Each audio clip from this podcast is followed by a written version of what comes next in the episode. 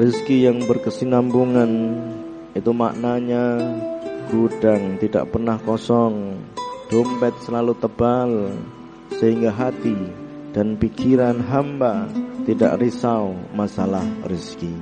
Sehingga hamba bisa tenang dalam beribadah, sehingga hamba bisa menikmati hidup.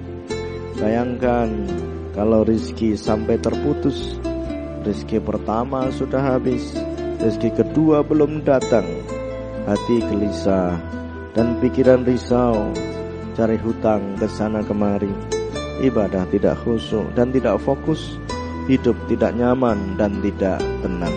Maka bila engkau mendapatkan rizki, dahulukan sedekah sebelum belanja. Dahulukan kepentingan Allah sebelum kepentingan dirimu, maka rizkimu akan datang berkesinambungan.